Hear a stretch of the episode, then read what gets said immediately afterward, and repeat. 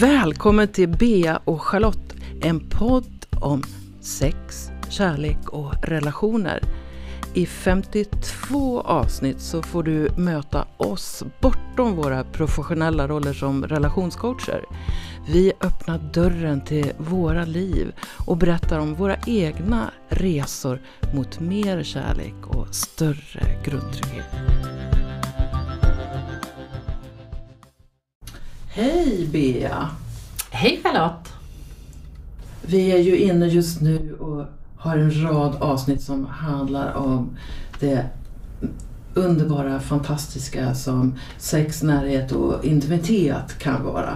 Och jag skulle ju önska att det här området både var fritt från tabun men också fritt från problem. För det är det vi ska prata om idag. Och då undrar jag, har ditt sexliv alltid varit problemfritt, Bea? Nej, det har inte alltid varit problemfritt. Ja, bland annat så har jag ju som jag tidigare har sagt haft problem att sätta gränser. Det är ju ett jättestort problem. Verkligen. Ja, jag tänker att problem inom sex kan ju... Det, det, alltså det här med gränssättning är en viktig grej. Men andra problem kan ju vara att kroppen strejkar på olika sätt eller har problem. Klassiskt är ju mäns problem med potens till exempel, eller att vi får ont i vårt kön, finns vaginism och endometrios bland annat och andra saker som gör att det blir svårt att ha penetrerande sex. Men ett problem som jag också skulle vilja lyfta det är andras respons på problem kring sexualitet. Och då tänkte jag bjuda på en liten historia. När jag hade fått mitt andra barn och hon var sådär ett par månader så ville jag få igång sexlivet. För att jag hade så här, om vi inte har sex, vad har vi då? Och så prövade vi och så gjorde det jätteont. Och jag blev bekymrad för jag tänkte så här, åh, kommer jag ha ont resten av livet när jag vill ha penetrerande sex?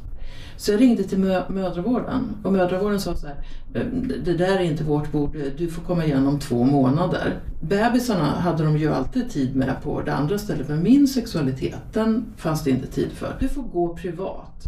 Och jag letar och letar och till slut så hittade jag en manlig gynekolog i Gamla stan minns jag.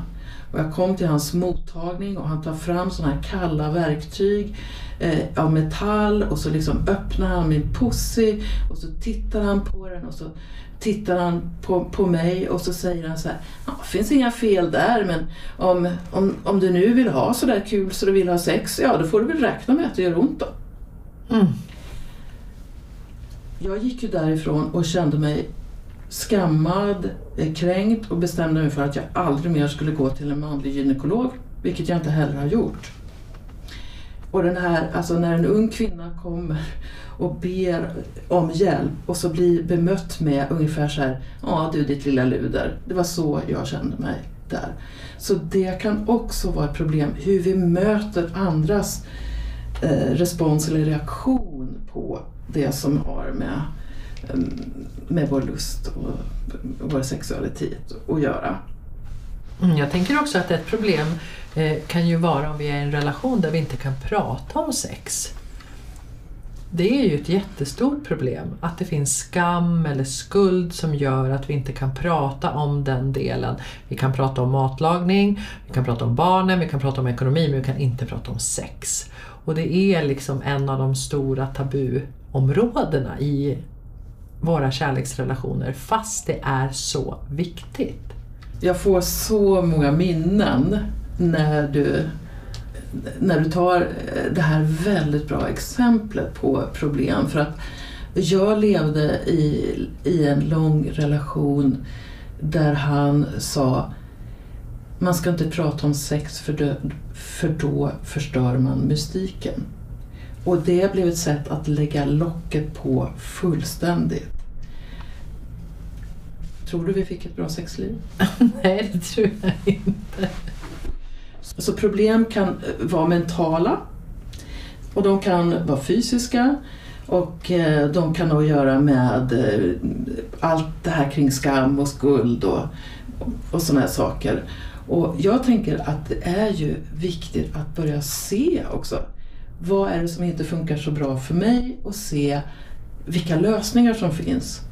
För, för jag tycker att ofta när det gäller sex så blir det som att man puttar det under mattan och man pratar inte om det och då kommer de här grejerna att växa och bli större och större och egentligen ta mer och mer energi så att det livet som pågår kanske blir mindre energifyllt och så bara för att båda kanske går och tänker på de här sakerna men vi får ju inte prata om det och så kanske det blir tystare och tystare i relationen när man pratar om färre och färre saker och till slut så blir det så här fint väder idag.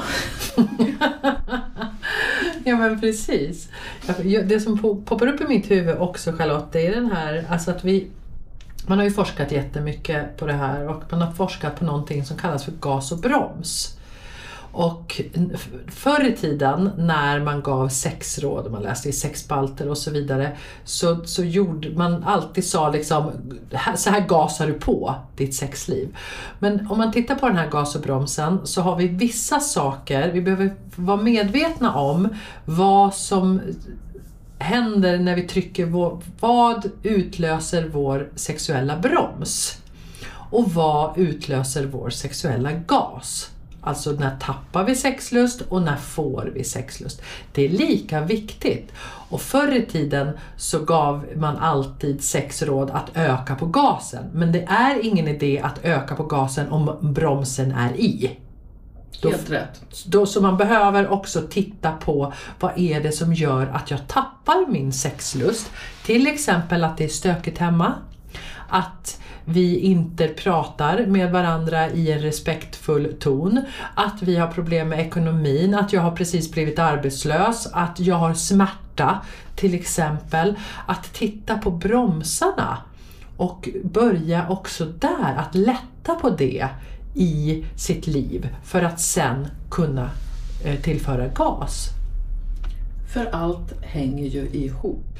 Om du har haft ett fantastiskt sexliv och så typ dör din mamma eller någonting annat som är traumatiskt för dig så kanske allt det försvinner ett tag och då kanske du får bearbeta sorgen ett tag. Eller om du har blivit av med jobbet så innan du hittar din roll så, så kan det vara nedsatt och sådär. Att, att se att det, att det är så mycket som påverkar bromsen. Ja men precis. Och jag tänker också att många som vi jobbar med tränar på att hitta en större form av intimitet. Där de kanske har haft en intimitet som bara har varit sexuell. Så får de gå på våra kurser och så lär de sig att expandera sin intimitet. Vilket också kan påverka sexualiteten, att sexualiteten blir inte så central. För att de får den här intimiteten tillgodosedd, det blir en liten större balans. Ofta så kanske man då tror att man har tappat sexualiteten. Men det har man inte utan man har gått in i andra rum ett tag tillsammans. Och när vi går in i de andra rummen så kommer också sexualiteten att kunna blomma ut mer tillsammans. Så ett problemområde som jag ser är ju att man bara fokar på sexualiteten och man har ingen annan form av intimitet i relationen. Och att den då blir väldigt eh, sensationsdriven sexlust. Vilket när kvinnor som kommer till mig har fyllt 60 inte står ut med längre. Det är också en problematik. Ett problem som jag har stött på är också att man kan ha olika sexlust. Olika stor sexlust. Jag var med om en gång när en partner till mig föreslog att vi skulle ha en vit relation. Det vill säga en relation där vi avstod från sex.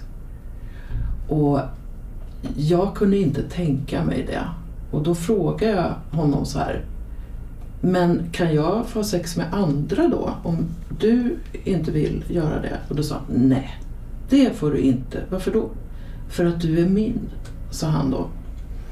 det där är ju en intressant fråga tänker jag. Om man har olika nivåer, hur hanterar man det då?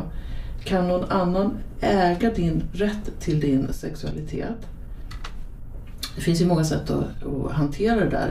Ett sätt som jag skulle kunna gjort och gjorde i den situationen det är att jag ägnar mig åt solosex som kom, liksom kompensation för den närhet som jag inte fick då i relationen. Men det tycker jag också är någonting som man kan samtala om ibland. Alltså hur ofta känner jag lust och vad är det som driver min lust?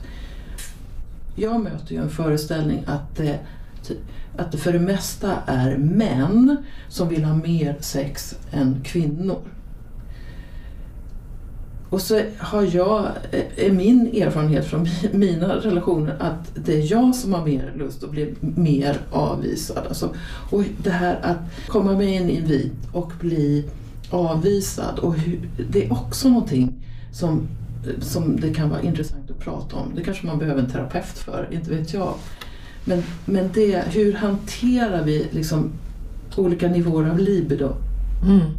Och jag tänker också att det här är ett rum som vi kan fullt ut kliva in i. Har vi problem, till exempel att vi känner att vårt sexliv har blivit stagnerat, inte utvecklas, vi tycker att det är tråkigt, vi är inte nöjd på något sätt på den planen, så kan man gå en kurs man kan ta kontakt med en sexolog. Man kan göra saker för att utveckla sitt, sitt sexliv.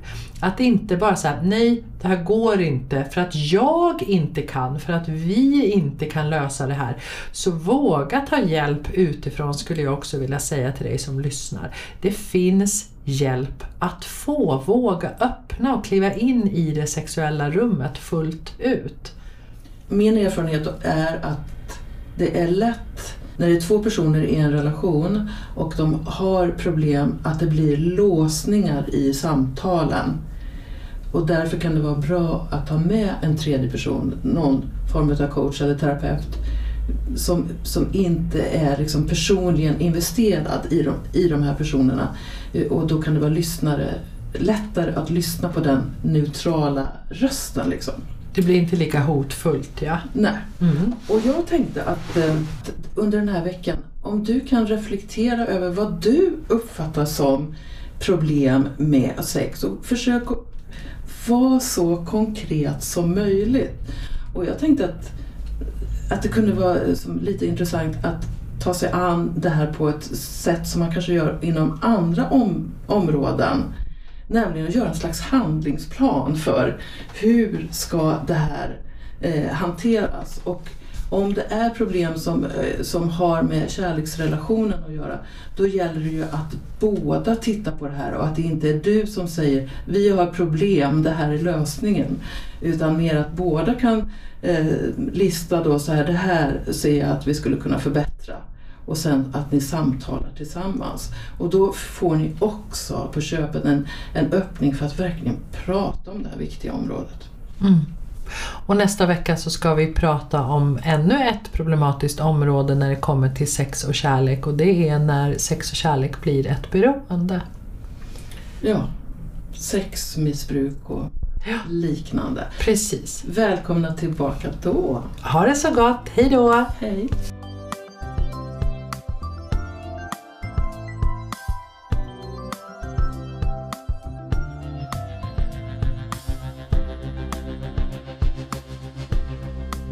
Du har lyssnat på Bea och Charlotte. Nästa vecka väntar ett nytt spännande avsnitt. Och se till att prenumerera på podden så kan du höra alla 52 avsnitten. Och Bea hittar du på trainingforlove.com och Charlotte på charlottekronqvist.org.